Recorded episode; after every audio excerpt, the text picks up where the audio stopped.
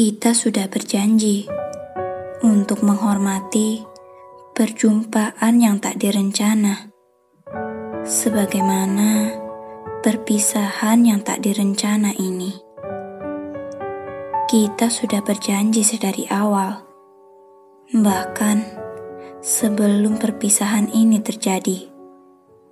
Kita tahu, kita tahu perjumpaan ini tidak akan lama kita tahu apa yang telah menunggu kita.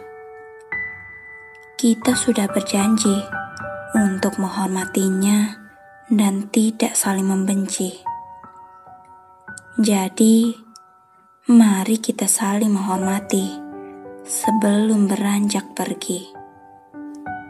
Nampaknya kita salah paham terhadap perjumpaan. Meskipun tidak berjalan lancar, tidak perlu kita menyimpan dendam. Kita hanya perlu menyimpan baik rindu dalam potongan-potongan kejadian yang pernah kita ciptakan. Kita sangat memerlukannya untuk melawan sepi.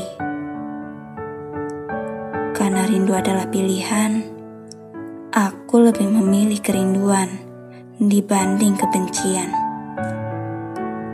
Aku tidak ingin seperti orang-orang.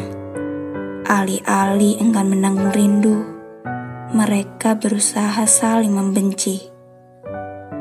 Mereka adalah perindu yang buruk. Selalu menyalahkan jarak, selalu mengutuk perpisahan.